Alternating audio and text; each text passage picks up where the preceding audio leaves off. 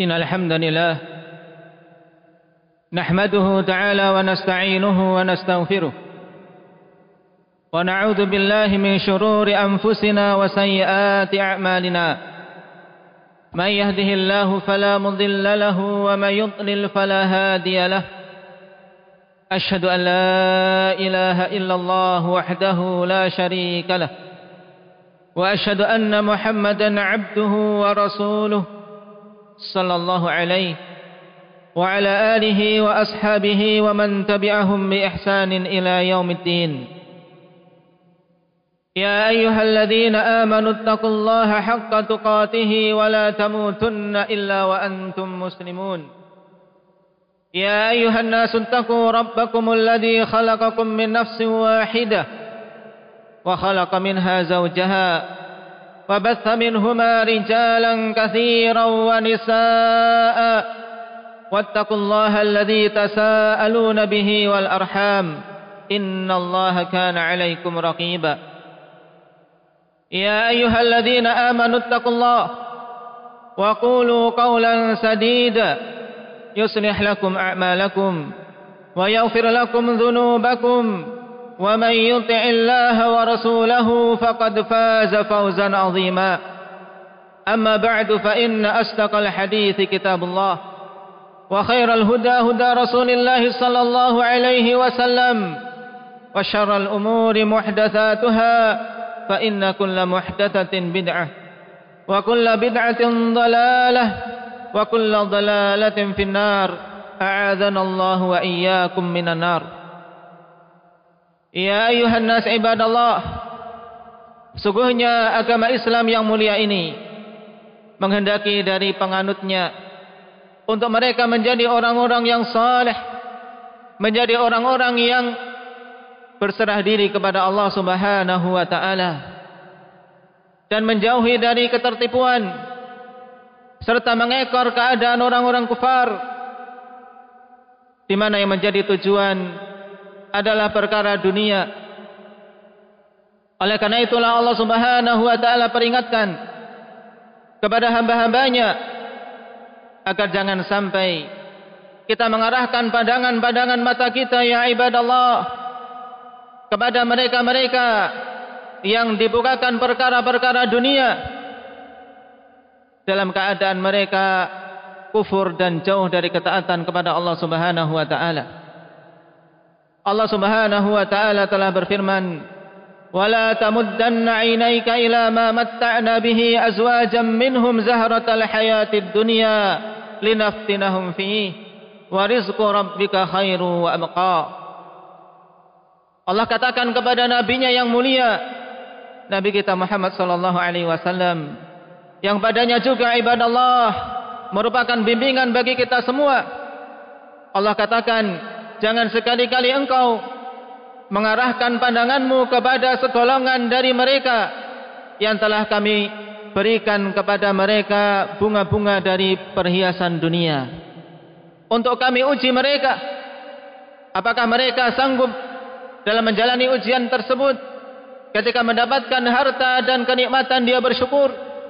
Linaftinahum fi agar kami uji mereka pada kenikmatan yang diberikan tadi wa rizqu rabbika khairu wa abqa.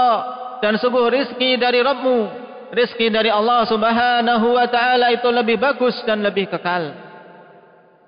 Demikian pula dalam banyak ayat yang lain Allah Subhanahu wa taala peringatkan kita agar jangan sampai tertipu dengan perkara-perkara dunia. Ya ayuhan nas inna wa'dallahi haqqun fala taghurrannakumul hayatud dunya wala yaghurrannakum billahil gharur wahai sekalian manusia sungguhnya janji Allah Subhanahu wa taala itu adalah hak. Maka jangan sampai kalian tertipu dengan perkara-perkara dunia dan jangan sampai pula kalian tertipu oleh syaitan yang senantiasa membuat tipu daya. Dan di antara bentuk ketertipuan ya ibadah Allah adalah perkara yang banyak tidak disadari manusia di mana dia arahkan perkaranya, arahkan tujuannya untuk perkara dunia, tapi dia tidak menyadarinya.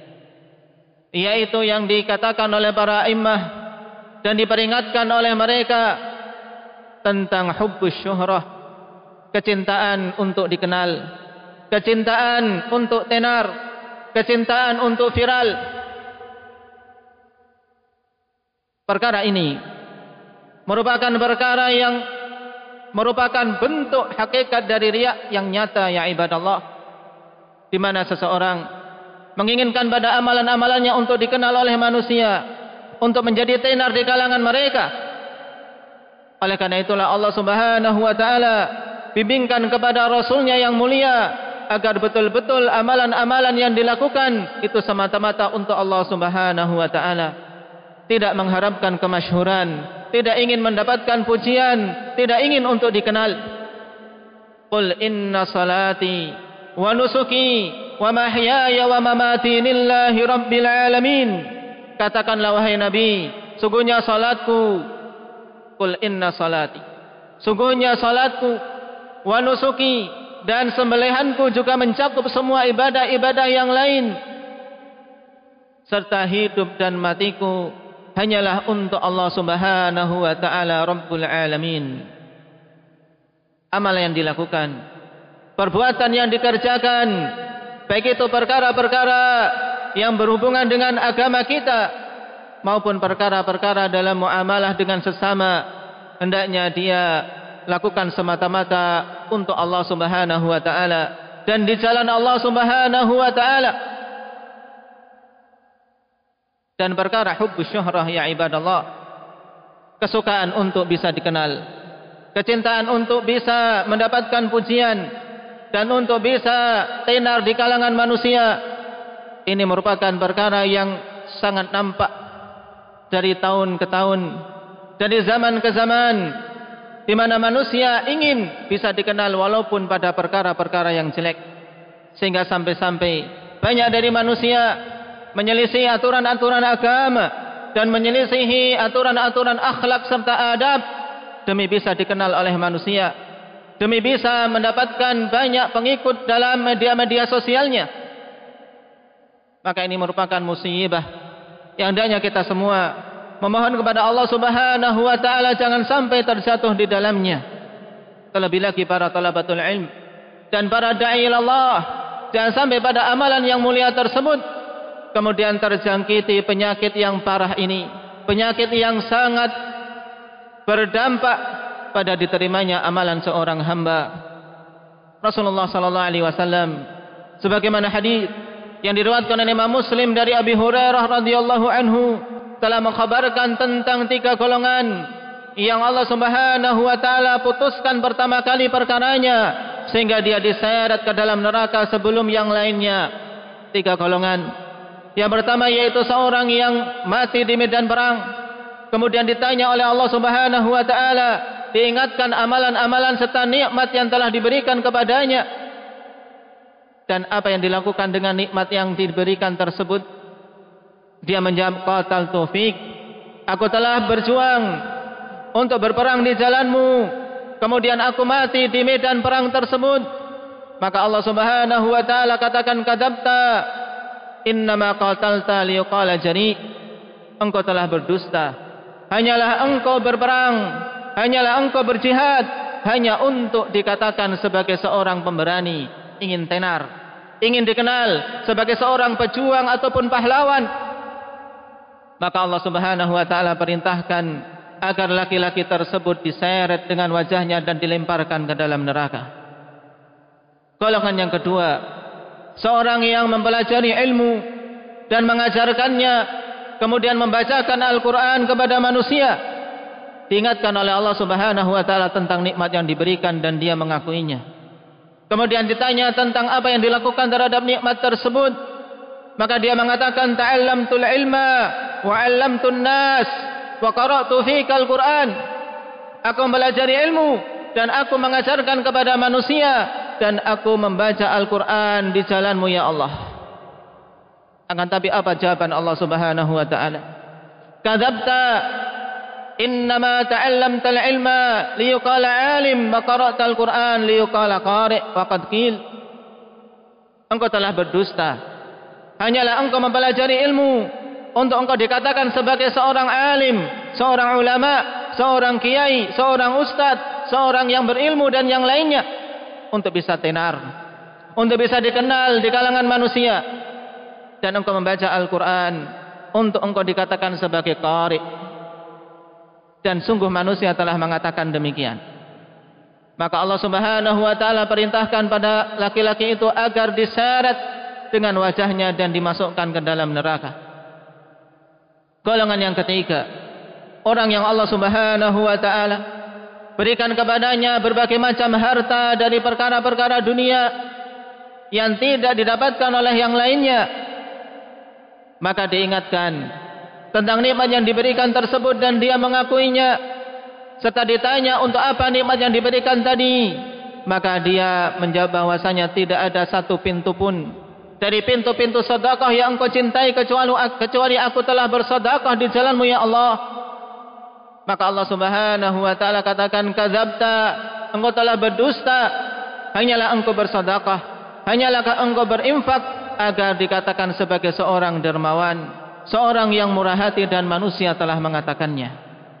Ingin tenar untuk dikatakan sebagai seorang donatur yang kaya raya atau donatur yang sangat dermawan dan seterusnya dan manusia telah mengatakannya.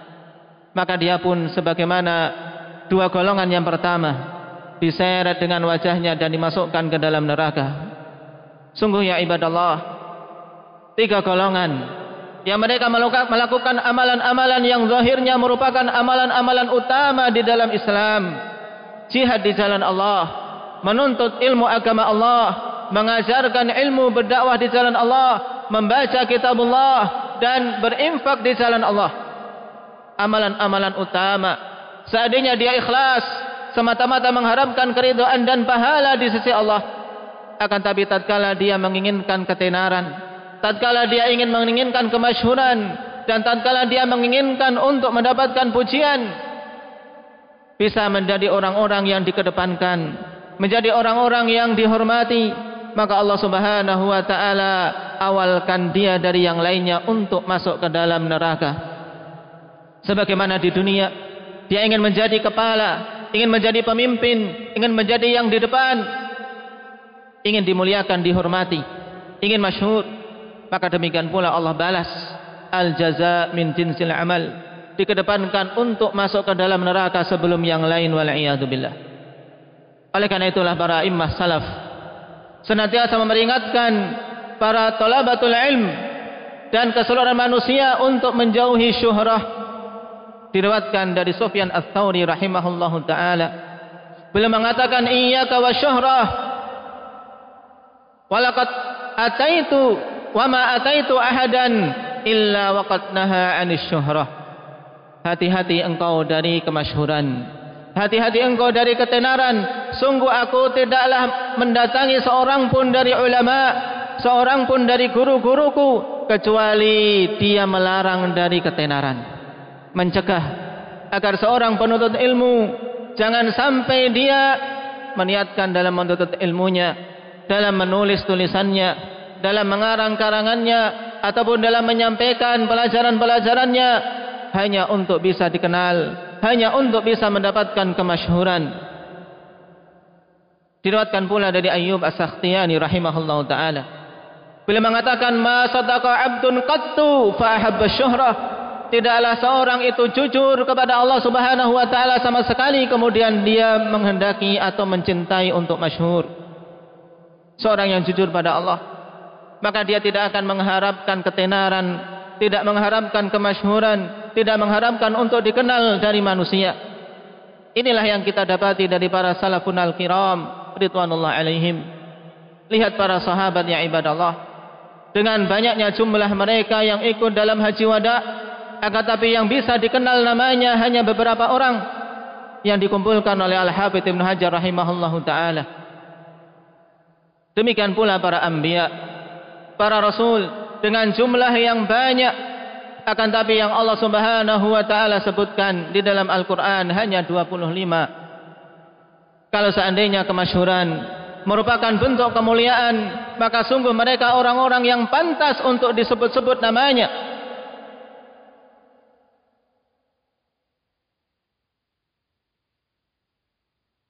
para salaf kita rahimahumullah taala telah mengajarkan kepada kita untuk betul-betul seorang muslim pada perbuatannya pada perkataan-perkataannya ikhlas mengharapkan wajah Allah Subhanahu wa taala semata. Dalam tarikh contoh yang sangat nyata ya ibadallah. Bagaimana hubbus syuhrah dan hubbur riasah betul-betul terjauhkan dari hati-hati para sahabat. Ketika Khalifah Umar bin Al-Khattab radhiyallahu anhu memerintahkan kepada Khalid bin Al-Walid radhiyallahu anhu saif min suyufillah pedang dari pedang-pedang Allah Subhanahu wa taala pemimpin yang sangat mahir. Akan tabi Umar radhiyallahu anhu ketika melihat kemaslahatan ada yang lebih besar akhirnya beliau memerintahkan kepada Khalid bin Walid untuk menyerahkan kepemimpinannya kepada Abu Ubaidah bin Jarrah Padahal kepemimpinan merupakan perkara yang banyak didambakan oleh manusia. Yang pada zaman ini banyak manusia memperebutkan dan menempuh jalan baik itu yang halal maupun yang haram untuk bisa mendapatkannya sampai-sampai tega untuk menumpahkan darah dari musuh-musuhnya. Tapi Khalid bin Walid dengan segera memenuhi perintah dari khalifah sam'an wa ta'atan li amiril mu'minin.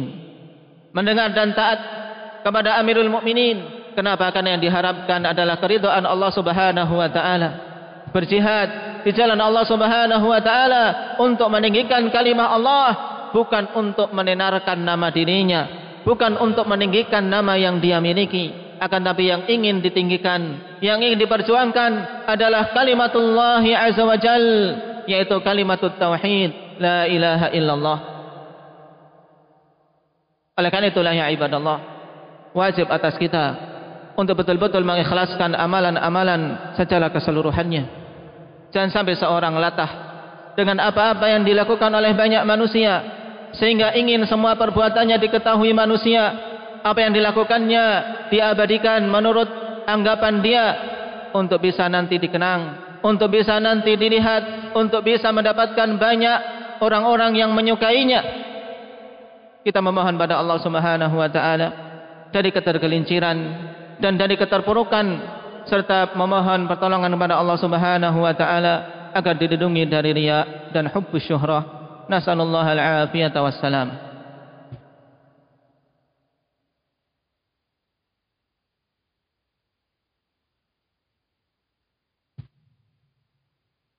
الحمد لله حمدا كثيرا طيبا مباركا فيه. كما يحب ربنا ويرضاه. أشهد أن لا إله إلا الله وحده لا شريك له. وأشهد أن محمدا عبده ورسوله صلى الله عليه وعلى آله وأصحابه ومن تبعهم بإحسان إلى يوم الدين. أما بعد. يا أيها الناس. Telah diriwayatkan oleh Imam Muslim dari sahabat yang mulia Sa'ad bin Abi Waqqas radhiyallahu anhu. Bahwasanya Rasulullah sallallahu alaihi wasallam bersabda Inna Allah yuhibbul 'abda taqiyal ghaniyal khafi. Sungguhnya Allah subhanahu wa ta'ala mencintai seorang hamba yang bertakwa yang ghani yang memiliki kekayaan hati. Hatinya kaya merasa cukup dengan apa yang Allah Subhanahu wa taala berikan. Tidak menengadahkan tangan-tangan mereka meminta perkara-perkara dunia kepada manusia. Memiliki qanaah. Al-ghani yang dikatakan oleh Rasul sallallahu alaihi wasallam laisal ghina an kasratil arad walakinnal ghina ghinnan nafs. Bukanlah kekayaan yang sebenarnya itu adalah banyaknya harta benda akan tapi kekayaan yang hakiki kekayaan yang terpuji adalah kekayaan hati. Inilah orang-orang yang Allah Subhanahu wa taala cintai. Sebagaimana Rasul sallallahu alaihi wasallam katakan dalam hadis tadi innallaha yuhibbul 'abdat taqiyal ghani. Kemudian yang ketiga yaitu al-khafi yaitu seorang hamba yang dia tersembunyi. Tidak dikenal manusia, hamba-hamba yang tidak mempedulikan apakah dia tenar ataukah tidak selama dia menjalankan aturan-aturan Allah Subhanahu wa taala, selama dia mewujudkan perkara yang dia diciptakan untuknya. Jadi hadis yang mulia ini ya ibadallah. Maka sangat jelas bagaimana Rasul sallallahu alaihi wasallam mengkhabarkan kepada kita bahwasanya mereka-mereka yang mencintai ketenaran bertentangan dengan jalan yang akan mendapat yang akan mengantarkan untuk mendapatkan kecintaan dari Allah Subhanahu wa taala. Karena memang cinta ketenaran, cinta kemasyhuran merupakan cacat pada akidah dan merupakan bentuk-bentuk dari sifat riya. Yang Allah Subhanahu wa taala telah bimbingkan kepada kita untuk betul-betul mengikhlaskan agama ini semata-mata karena Allah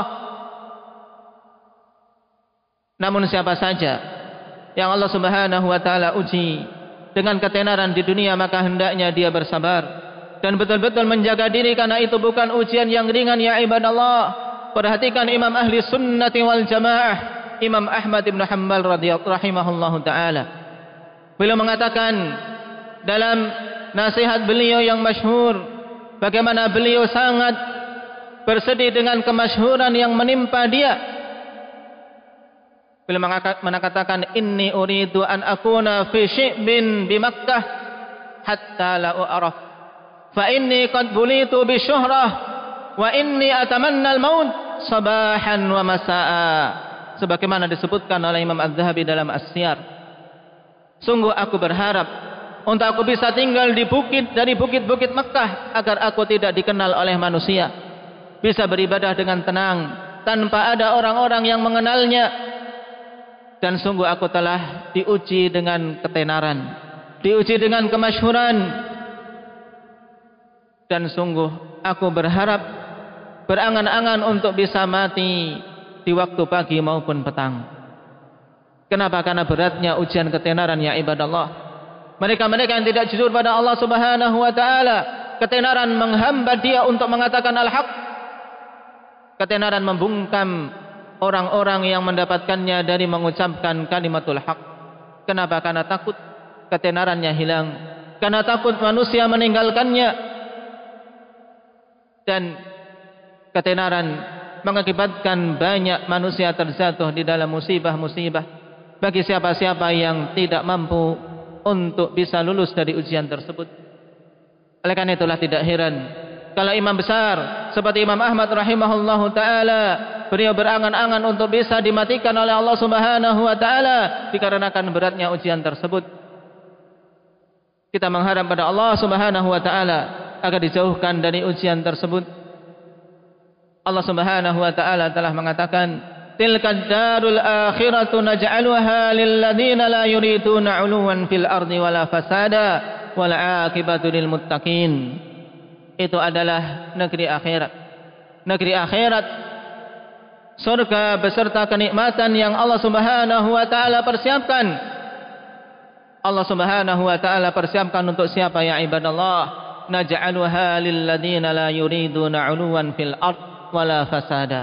Kami jadikan untuk mereka-mereka yang tidak menginginkan ketinggian di muka bumi, tidak menginginkan untuk dia tenar, tidak menginginkan untuk dia masyhur, tidak menginginkan untuk bisa dia dikenal, naj'aluha lil ladina la yuriduna 'uluwan fil ardi wala fasada dan kami jadikan negeri akhirat tersebut juga untuk orang-orang yang tidak menginginkan kerusakan di muka bumi ini.